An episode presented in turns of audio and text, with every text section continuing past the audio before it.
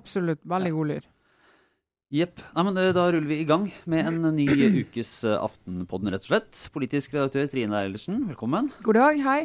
Jeg, Lars Glomnes, er på plass. Her kommer det inn en uh, liten nyhetsmelding fra start av. Rett og slett. Rett og slett. Det er Eh, ikke ofte vi får liksom sånn pressemelding inn i papirform på pulten vår, På pulten vår? Uh, Lars. Men da kan vi melde Alle de som hører dette, har jo sikkert har- fått det med seg. men, men vi syns det er litt sånn dramatisk at vi nå nå. kan breike at uh, Hordaland statsadvokat uh, MBDR har henlagt saken, siktelsene mot uh, Trude Drevland, tidligere ordfører i Bergen, også omtalt her på podkasten ved flere anledninger. Vi har annet snakket om boken hennes. Uh, de som måtte være interessert, kan jo godt bak det. Men eh, det var jo et, eh, et, eh, en, et, en, en eneste lang forsvarstale. Eh, Det var det, og den, eh, om den ikke har virket, så kan det se ut som man har det. Eh, Men de mener også at det ikke er grunn til å, å tiltale Trude Drevland. Eh, Og det er bra, for hun skrev jo i boken at eh, hvis det som skulle bli tiltalt, så ville hun ikke ha noen grunn til å leve. Ja. Så det er en fin, flott dag for Trude Drevland. Og en, Også- ja, en slags oppreisning for henne etter, etter alt dette. Ja. Så får vi se videre i gang. Det får vi. Står det nå, nå leser du lynraskt hva som står der. Er det noe annet verdt å ha med? Lynraskt, ja. Ja, etter en helhetsvurdering har de kom, kommet til at det foreligger tvil i saken eh, som gjør eh, at de ikke vil eh, gå videre med den. De skal være helt sikre på at eh, det er grunn til å gå videre før de kan gå videre med en sånn sykdom. Og så beklager de at saksbehandlingstiden har tatt eh, Saksbehandlingen har tatt svært lang tid. Og det er det jo faktisk grunn til å beklage, for her snakker vi jo et år. Uansett burde det gått, eh, gått litt kjappere. Ja. Eh, vi får jo eh, i og for seg bare fortsette med å takke de som kom på Kulturhuset på tirsdag for oppmøtet. Det var veldig hyggelig. Det var det. Og det er alltid gøy å se at folk går, strekker seg så langt som å møte opp i levende livet. Ja. For å følge med på det vi og, og våre venner fra overetasjen, Jevr og Joffen, snakker om. Ja. Den, rett og slett for de som ikke fikk vært der, så er det mulig å høre den når vi legger den ut i romjula. Ja. Det er et, måte, den, ikke så, den er ikke like hyperaktuell som den sendingen her. Nei. Det er ikke noe breaking news uh, underveis. Nei. Det er, mer sånn, det er litt mer oppsummerende å, Ja. se litt på året som har gått, og litt framover. Men vi takker for, for det engasjementet. Uh, og så får vi jo hilse også fra Sara Sørheim, som ikke er her i dag. Hun er uh, Mor. indisponert, er mor, Ja. rett og slett. Sitter hjemme og suller med et eller annet. Mm. Bidrar ikke til samfunnsregnskapet. Bidrar ikke til BNP i dag. Nei. Jo, hun gjør det, vet du, på sikt. Hun fostrer frem skattebetalere som skal betale din pensjon, Lars. Ja, ja, ja. Vi får, får være takknemlige. Men uh, det har vært en uh, Jeg må si, etter en sånn storpolitisk høst og litt sånn eh, drama med budsjettkamp og det meste, så er vi tilbake i en uke med klassisk norsk uh, politikersurr. Ja, det er jo det, det, Under her ligger jo denne her eh, hva skal vi si, rituelle, oppsummerende pressekonferansestafetten som partiene har på slutten av eh, hvert semester. eh, på våren og på vinteren. hvor de forteller hvordan de syns det har gått, og hva de syns de skal holde på med videre. Men det har ikke fått så mye oppmerksomhet, sånn de konferansene i seg sjøl. Men det har jo vært saker, da. Og den som kanskje har satt mest fyr på, på flest, var jo denne her eh, etterlønnssaken fra Stortinget. En, altså det er en klassisk, eh, en klassisk sak der politikerne tilsynelatende uten blygsel bevilger seg selv eh, goder som eh, vanlige folk ikke får, eh, får del av. Rett og, og nå, slett. Og nå er det jo Vi på, på lederplass i, den, i en avis så argumenterer vi rett som det er for at uh, stortingsrepresentantene skal uh, ha rause godtgjørelser og gode betingelser, og det skal ikke være en belastning å yte tjenester for folket på den måten som de gjør, og de er vekk hjemmefra og ja, masse. Uh, men det må Det, det, det er grenser. Det, På et tidspunkt så bikker det over i det absurde. Og dette her vedtaket som det jo holdt på å bli, om at stortingspolitikerne skal ha mulighet for å heve to år med etterlønn. Ikke, Altså, bare, ikke bare ett, som i dag. og da snakker vi to tredjedeler av en lønn på 900 000 kroner enn 600 000 kroner eh, hvis de ikke klarer å få seg jobb etter at de har gått av. Det utløste jo svært sterke reaksjoner. Ja. Eh, for å eh, oppsummere, i utgangspunktet så var, eh, så var det altså Det var SV og Høyre og MDG som sa nei til dette. En veldig gøyal, eh, gøyal mindretall, må Ja. vi vel kunne si. Ja. Mens uh, Partiet for folk flest, uh, Fremskrittspartiet, uh, Arbeidsfolkets parti, Arbeiderpartiet, KrF og Venstre, Og de, og de og Senterpartiet ja, veldig kristne som er opptatt av De de fattige i ja, hele verden, faktisk. de tenkte at dette var en god idé. Dette kan vi stå for. Her står vi rockrygget. Ser velgerne inn i øynene og sier dette er rimelig. Det, var, eh, det tok ikke så lang tid før det både ble baluba og, og ting snudde. Jeg snakket jo med, jeg snakket med noen i Arbeiderpartiet eh, som, som rett og slett eh, Ja, det ble jo oppstyr i gruppa da de eh, skjønte hva de hadde gjort. Rett og slett. For dette er jo Jeg tror vi bare kan slå fast Det var, det var klønete fra ende til annen. Eh, og så endte de da med en snuoperasjon, som, som de også har fått kritikk for. Men den kom nå i hvert fall. Ja, men, Um, det, men det er klart Og det var jo litt av det som utløste det. For det her så jo Høyre en mulighet for å virkelig ikke bare tråkke Arbeiderpartiet inn på tærne, men stille seg oppå føttene og hoppe eh, på alle, alle, alle tærne. Og så Høyre-folkene de har eh, nytt å sende, legge ut innlegg på Facebook og skrive innlegg så, hvor de forklarer at Arbeiderpartiet dere kan ikke si at dette var et uhell, og gå gjennom prosessen smertelig gjennom trinn for trinn i høsten, alle leddene den har vært innom, og muligheten Arbeiderpartiet hadde for å snu. Og de har jo også hatt stemmer internt i Arbeiderpartiet som ikke ønsket at de skulle Ja. lande der de gjorde i første runde. I første runde. Jeg fikk- fikk en forklaring eh, som jeg hørte her fra, fra en Arbeiderpartipolitiker som ble spurt om hvordan det her kunne skje. Og da var vel en litt sånn eh, Bare erkjente at alt, alt var en feil, men at det hadde kommet opp på, hadde kommet opp på et, eh, på et, eh, under alternativ på et gruppemøte i juni fra Marit Nybakk. Og når Marit Nybakk tar ordet På under eventuelt. alternativ på eventuelt i juni, da vet alle at det er YouTube-tid. Så jeg vet ikke om det er en, en god forklaring, men det, det var vel det var tydeligvis i flere etapper noen som ikke hadde fulgt helt godt med, da. Ja, men så var det en som måtte forsvare dette i Dagsnytt 18, eh, stakkar. Torstein Tvedt Solberg. eh, Som nesten ingen har hørt om, men det har de nå. det har de nå. Nå har det gått sin seiersgang. Dette ekstremt pinlige klippet fra Dagsnytt 18, der han prøver å se kun det positive i denne snuoperasjonen. Og Fredrik Solvang, eh, dyktig vert i Dagsnytt 18, eh, la jo ikke muligheten gå fra seg til å virkelig bare pirke og pirke og pirke og gnage i dette her. Mens Arve Kambi i Høyre sitter og knegger ved siden av og fryder seg over hvor, eh, hvor ubehagelig dette er for, for stakkars Solberg. Det som jo er eh, noe av politikkens brutale vesen, er jo at eh, Solberg var jo en av de som internt i Arbeiderpartiet sa at ærlig talt, dette kan vi ikke stå for. Her må vi snu. Han er fra Rogaland, i et fylke der mange opplevde å miste jobben, og der hvor på en måte, toleransen for, eh, for voldsomme etterlønnsordninger for politikere nok er litt lavere også enn en del andre steder. Mm. Men eh, da, er det jo, da kommer jo beskjeden, da. At uh, hvis det skal være sånn, så uh, får du stille opp i Dagsnytt 18 og forsvare denne snuoperasjonen. Det er ikke noe pent syn.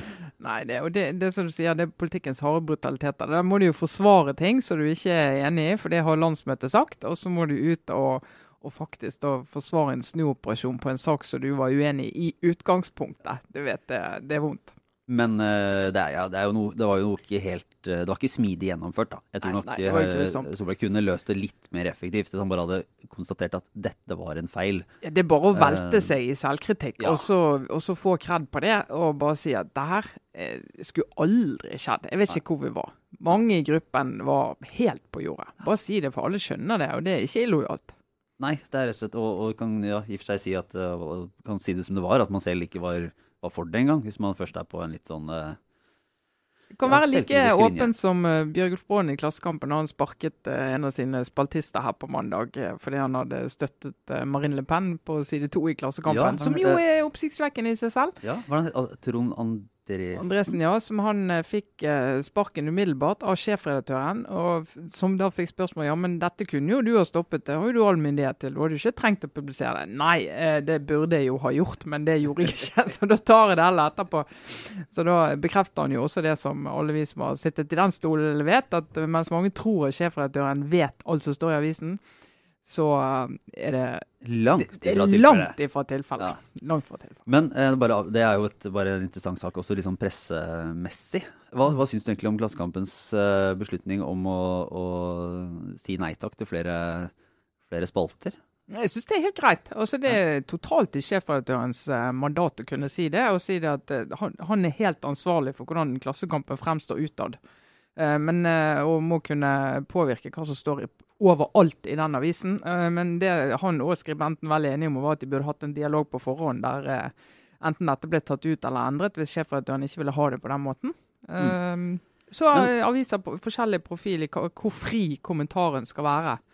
For, men, for dette, han er jo øh, må jeg at jeg ikke er helt sikker. Er han, om at har han vært ansatt som sådan? Eller har han vært Nei, han har altså, betalspaltist? Skrevet, betalspaltist. Det har ja, okay. vært i en sånn ja. turnus. Og da, når du er i en sånn fast turnus, litt sånn som vi har på søndagene, så har du litt sånn, på en måte litt tettere forhold til avisen enn de som skriver vanlige debattinnlegg.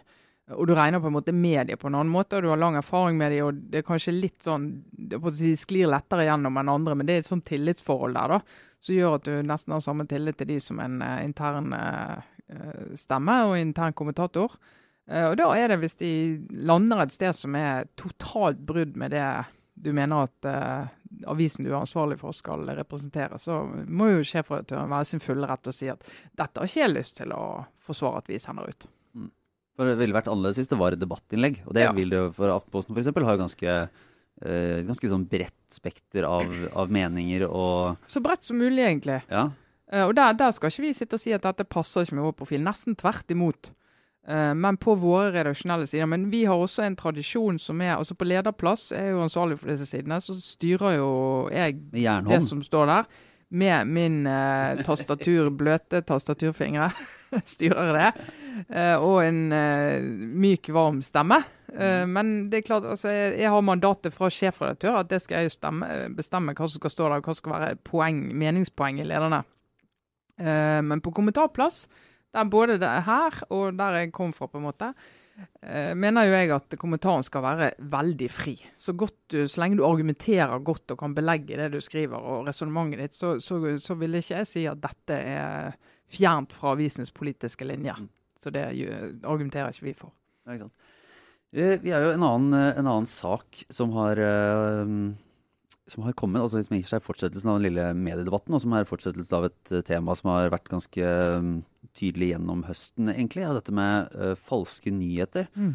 Uh, og der har det vært en runde nå som følge av en Facebook-gruppe som, har, som ble vel, Den bygde seg opp en ganske stor følgerbase da, på drøyt 80 000 følgere i forbindelse med denne flyseteavgift-kontroversen.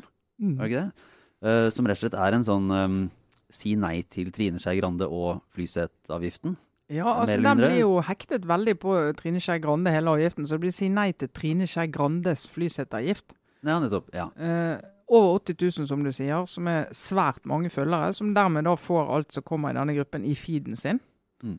Og, og, dette det har jo hatt uh, et visst gjennomslag. Det er jo Eh, det er jo bl.a. En, eh, en god og stor liten håndfull med Fremskrittspartirepresentanter og politikere som har, har likt denne siden. Ja. I og for seg er fascinerende, altså Nok et lite eksempel på en, en fascinerende dobbeltkommunikasjon. I og med at de satt i regjeringen som foreslo dette.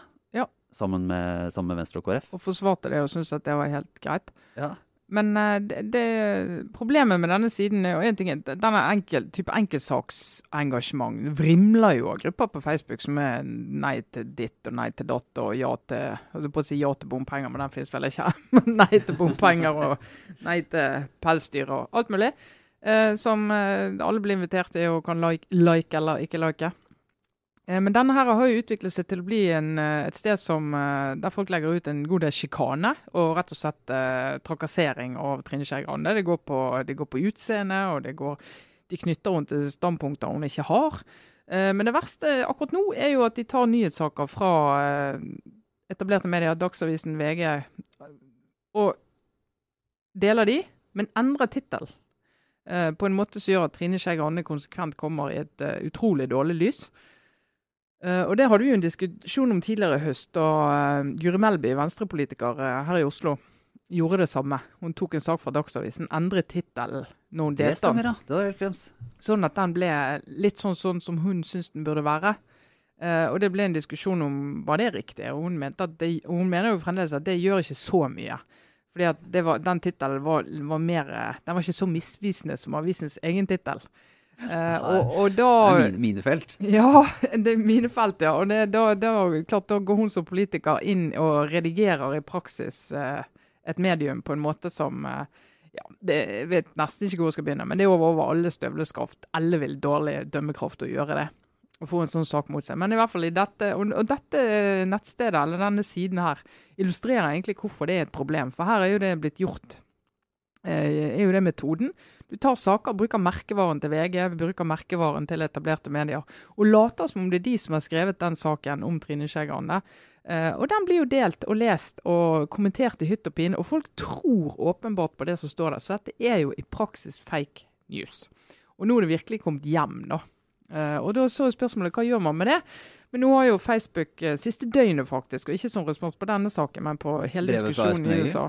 Hmm? Brevet fra Espen. ja. Har de nå endelig sendt et svar på?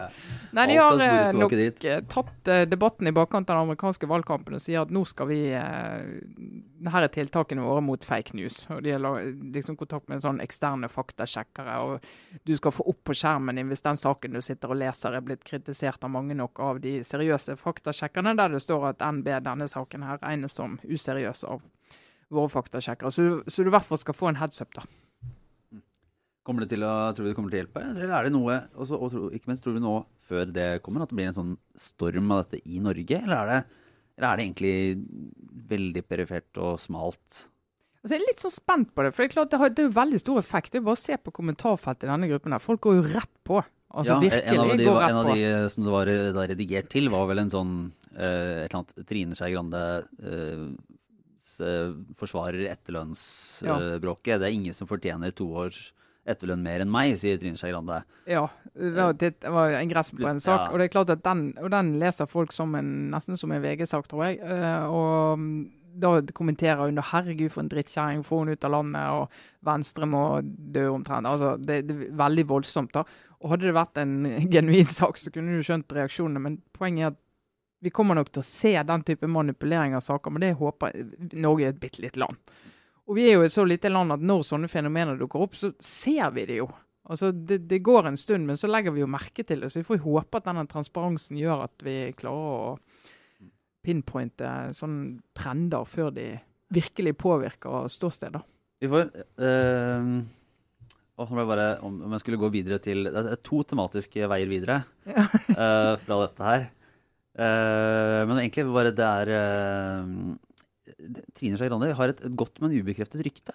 En spalte La, la oss nå ta inn den når vi kan. Når vi kan det er jo ja. litt for sjelden. Og det er på en måte en, det er bedre nyheter da, uh, ja. for, uh, for, Trine Skei Grande. Så jeg, det, er litt, det skal innrømmes at dette er ikke fra, fra, i år, men i denne førjulstid ja. uh, så er jo Trine Skei Grande en omsorgsfull person. med tre katter som hun er veldig glad i. Det har hun snakket mye om. Uh, og jeg håper jo, jeg liker å tenke at hun har gjort denne lille innsatsen også i år, som hun gjorde for, for noen år siden, å lage tre små pakkekalendere til uh, kattene sine. Alle kattene. Alle kattene. Ja. Så de får en gave hver dag. Nettopp. Det blir jo da fort Hva blir det? 60 Ikke mye, 60, ja, mye inn- og utpakking, uh, rett og slett. Ja. Og et jeg sier litt om arbeidskapasiteten på, på siden av eh, budsjettjobbing og alt annet. Ja, jeg har to gutter, og de har legokalender, kan jeg bare si. Ja. Der er plast, plast i alle, alle ledd. Men det føyer seg inn i en liten fin rekke av, eh, av, av dyr og politikere som, ja. bare, som vi bare resonnerer litt Dra litt gjennom den, syns jeg. Ja, uh, for, for det, dette er, jeg må innrømme at jeg syns det er en litt særegen historie, dette her, da.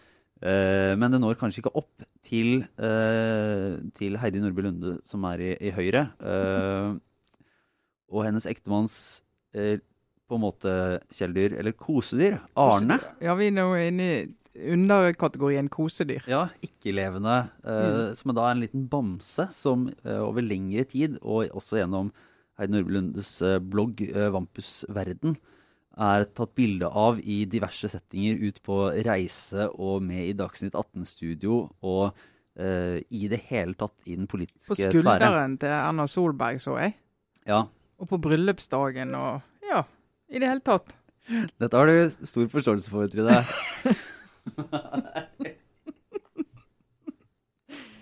jeg, jeg setter meg ikke til doms over andres måte å leve livet på. Det er jul. All kjærlighet er god er kjærlighet. god kjærlighet. Ja. Og det var i hvert fall snillere enn eh, hunden til eh, Fremskrittspartiets eh, Morten Ørsal Johansen, som jeg eh, skulle intervjue en gang. Han hadde tidenes sinteste lille hund inne på, inne på kontoret sitt på Stortinget. Og så har det sikkert latt opp til å oppdatert som pressekort. eh, Ja, så hver gang så. Jeg jobbet da i VG, hadde med meg Helge Michaelsen, fotograf, som er en av Norges aller beste fotografer, eh, rett og slett. Og vant til å være i, eh, i krigssoner og det som verre er. Så han, eh, han taklet dette godt. Og eh, Han har sikkerhetskurs, håper jeg. han har sikkerhetskurs, så fikk tatt noen legendariske bilder av, eh, av Morten Ørsal Johansen. Jeg tror faktisk jeg skal få lagt ut Skal lenke til min gamle sak fra VG-nett med Morten Ørsal Johansen og hunden på våre Facebook-sider. Eh, på Aftenpoddens Facebook-sider, som vi oppfordrer alle til å følge. Ja. Rett og slett. Nei, det var den, den andre aproposen var på fake news og egentlig eh, Carl I. Hagen, som jo har eh, tatt for seg en hel verden av eh, eksperter Mm. med sine påstander om eh, ja, at klimaendringene ikke er menneskeskapte, og at dette bare er et hysteri som, eh, ja, som nå skal bruke valgkampen på å bekjempe idet han eh, skal prøve å komme seg inn på Stortinget på fjerdeplass på Oslos liste. Ja, det er litt sånn blast from the past, det der, da. Men uh, han fikk jo fin, fin uh, sendetid i live i Dagsrevyen, faktisk, og forkynne uh, sitt uh, politiske budskap, der han avskrev egentlig klimaproblemet. Ikke noe problem. Eh, men eh, der har jo et par ting skjedd. Det ene er jo at hans egen partileder Siv Jensen har eh, minnet både han og alle andre om at også Carl I. Hagen må følge FrPs program. Og Der har de en såkalt føre-var-tilnærming, og ja, forurenser skal betale. og De har liksom står ting som Egentlig, tatt, har egentlig beveget seg i uh, ja, og de har også siste økt bensinavgiftene med mer enn noen regjering har gjort i en sveiv i neste års budsjett. Så det, det er litt andre tider og litt andre realiteter han skal forholde seg. Det andre som skjedde, var jo at en av de første som gikk ut på Twitter og eh, på en måte kritiserte Karl Johan, eller mer så indirekte, det var jo eh, han eh, Sverdrup, bærekraftdirektør i Bjørn Otto Sverdrup i Statoil. Som liksom bare slo fast at ja, mulig Karl I. Hagen er opptatt av det, men vi i bransjen, da, som han jo selvfølgelig vet er en storutslippsbransje, vi eh, tar denne forskningen som eh, bare som et faktum. Og det vi jobber med, hvordan vi kan forholde oss til den og agere på den. Så altså, han har, det, er litt sånn rart å stå og, og eh, brølle ut akkurat dette budskapet, når ikke engang bransjen som ville før vært mest opptatt av at denne sannheten skulle motarbeides, på Det ble litt mye mediekritikk, men det er jo fascinerende. Nå får man jo den debatten igjen som man også har sett i USA, egentlig, i forbindelse med Trump og andre ting. Liksom hvordan medier dekker folk som sier noe som er uh, galt, da, ifølge alle objektive kriterier. Uh, om det da skal dekkes som en Ja, altså gjengis i sin helhet, uh, ikke egentlig omtales mye, eller konstatere i enda større grad at, at Hagen i dette tilfellet tar feil. Mm. Altså at, at nyheten er på en måte Hagen tar feil om klimaendringene, Ja, heller enn eh, sitatstrek han sier. eh, klimaendringene er hysteri, og på en måte ta for gitt at alle uh, måte opplyste lesere og seere vil se gjennom disse påstandene. Da. Eller at det skal bygges en sånn slags falsk balanse mellom en ubegrunnet påstand som går mot alle vitenskapelige fakta, og vitenskapelige fakta. Ja, altså, og så er det, jo, det er jo det ene, og så er det jo det med Karl Hagen. Hva posisjon har han nå? Han sitter i bystyret i, i Oslo. Flott. Eh, han er på fjerdeplass på listen til Oslo Frp. Blir sannsynligvis ikke valgt inn på Stortinget. Kan få en varaplass. Altså vil få en, en, sannsynligvis en varaplass. Og hvis Frp fortsetter i regjering, kan han være innom Stortinget av og til. Ja, for Det forutsetter et kjemperesultat. For i Ja. dag så har Oslo eh, tre, inkludert en vara. Altså de har egentlig to. Ja. Eh, Siv Jensen og Christian Tybring-Gjedde. Og så kommer Mazyar Keshvari inn og er fast møtende vara fordi Siv Jensen sitter i sitter i regjering. Så det er oppsiktsvekkende bra. Og da skal vi huske på at akkurat fra den dagen omtrent eh, Carl I. Hagen har erklært seg som ordførerkandidat i som toppkandidat i Oslo Frp, så har jo det bare, partiet bare falt bare i Oslo og hadde et helt katastrofalt kommunevalg eh, i fjor. Eh, Så det er ikke liksom gitt at dette skal gå helt på skinner inn. Eh, Men han, han eh, får mye oppmerksomhet, eh, og det er jo ingen andre på den plassen på andre partier som får. Så er det jo fordi han er Carl I. Hagen, han er liksom den gamle partibyggeren som hele tiden har gått og sparket Siv Jensen på leggen etter at hun ble leder. og da må jeg, må jeg si at For å si sånn, i sjefredaktørkretser, om du vil, og jeg tror også i partilederkretser, hvis jeg kan snakke om det, så tror jeg det er en sånn uskrevet regel om at når du har gått av, da kommenterer du aldri etterfølgeren ditt sitt arbeid. Altså, jeg, jeg, ville aldri kritisert det mine etterfølgere som sjefredaktør i BT gjør. Og jeg har heller aldri fått kritikk fra mine forgjengere eh, som sjefredaktør i BT. Eh, og det er liksom sånn det er. For du vet at det er den som er der som har skoene på. Du vet at det er en god del ting du ikke kan svare på, kritikk du får. Eh, og du vet at det er masse du ikke vet, rett og slett fordi du er på utsiden. Det er ikke det vi skal være litt, sånn, litt, litt mot? Det er ikke det en litt sånn feig laugsmentalitet? da? Da er det bare er så beskyttende mot sin egen krets. at Man, man har jo åpenbart uh, relevant erfaring og, og, og, kriterier for å kritisere når man har vært enten partileder eller, eller sjefredaktør og, og, ser det som skjer. Man vet ikke nødvendigvis alt, men man har jo bedre grunnlag enn en veldig mange andre for å, for å, se på situasjonen og komme med vurderinger? Både ja og nei. fordi at uh, Nå er det nok av andre som kan kritisere. Uh, og hvorfor akkurat den som har vært der før, må gjøre det. Eh, det er, det er, veldig rart. For det er uansett, altså, for, for, å ta det fra mitt eget ståsted, uansett hva Bergens Tidende gjør nå, så vet jeg at de har, det er en grunn til det. Jeg skimter kanskje noe av grunnen, men jeg skimter aldri hele. Men det jeg vet av erfaring, er at de har jobbet mye med det, og at de vet hvorfor de endte der de endte. å og bare stå på utsiden og kritisere de, det er det mange som gjør, men da behøver ikke en av forgjengerne å gjøre det og gi inntrykk av at nettopp fordi jeg har den bakgrunnen, så veier min stemme tyngre. For det gjør han ikke, faktisk. For jeg vet ikke nok om det som foregår på innsiden. Og det ser du en god del partiledere òg, som har gått av. De kritiserer ikke dagens partiledelse, fordi de vet at okay, det er en annen situasjon enn da jeg var leder. Jeg er ikke nok inne på detaljene til at jeg kan Med ett unntak.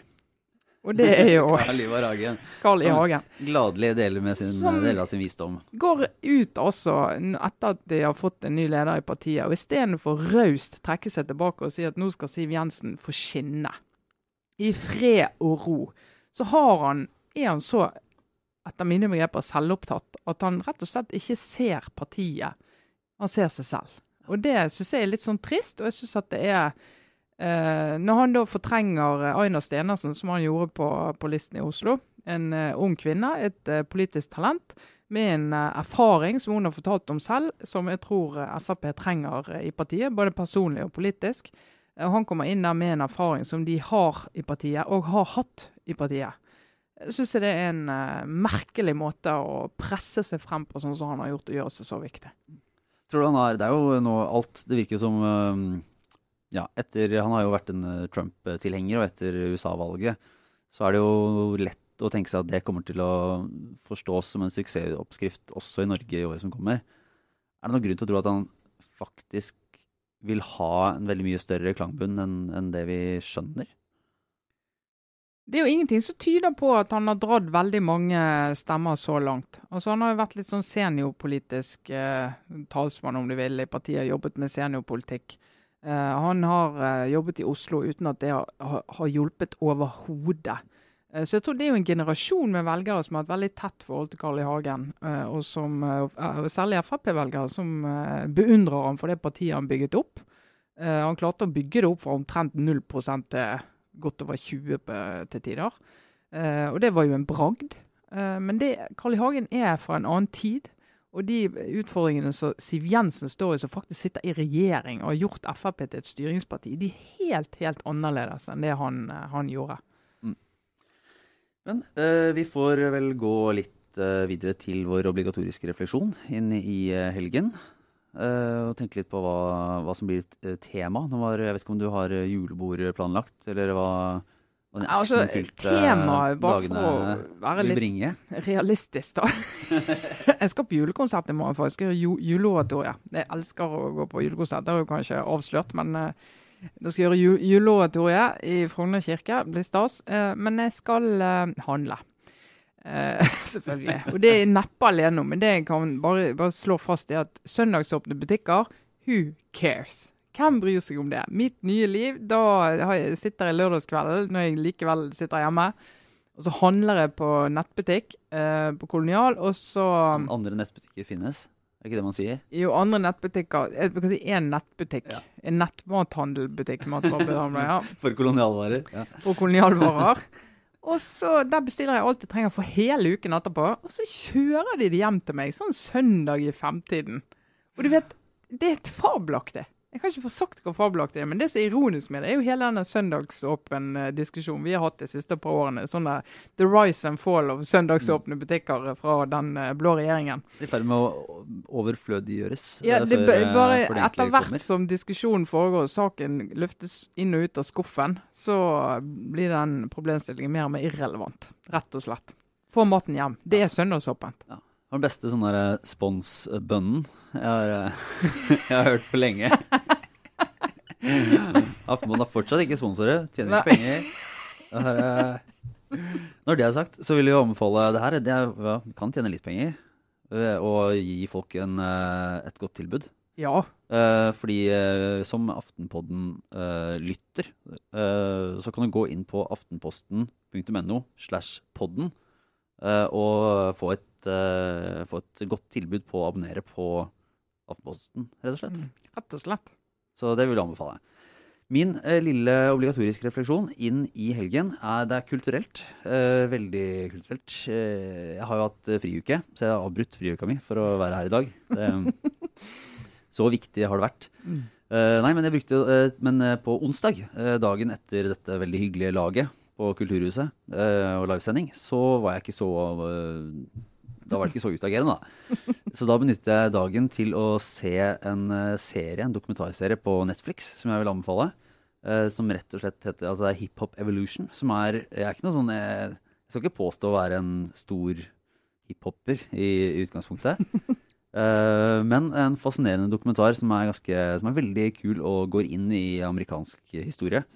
Som, eh, som ofte er interessant. eh, og, eh, og forteller mye om samfunnet som det var fra, fra 70-tallet og utover. Og, og tar opp mye ja, musikk som mange har et forhold til, og som, som er ganske faglig interessant.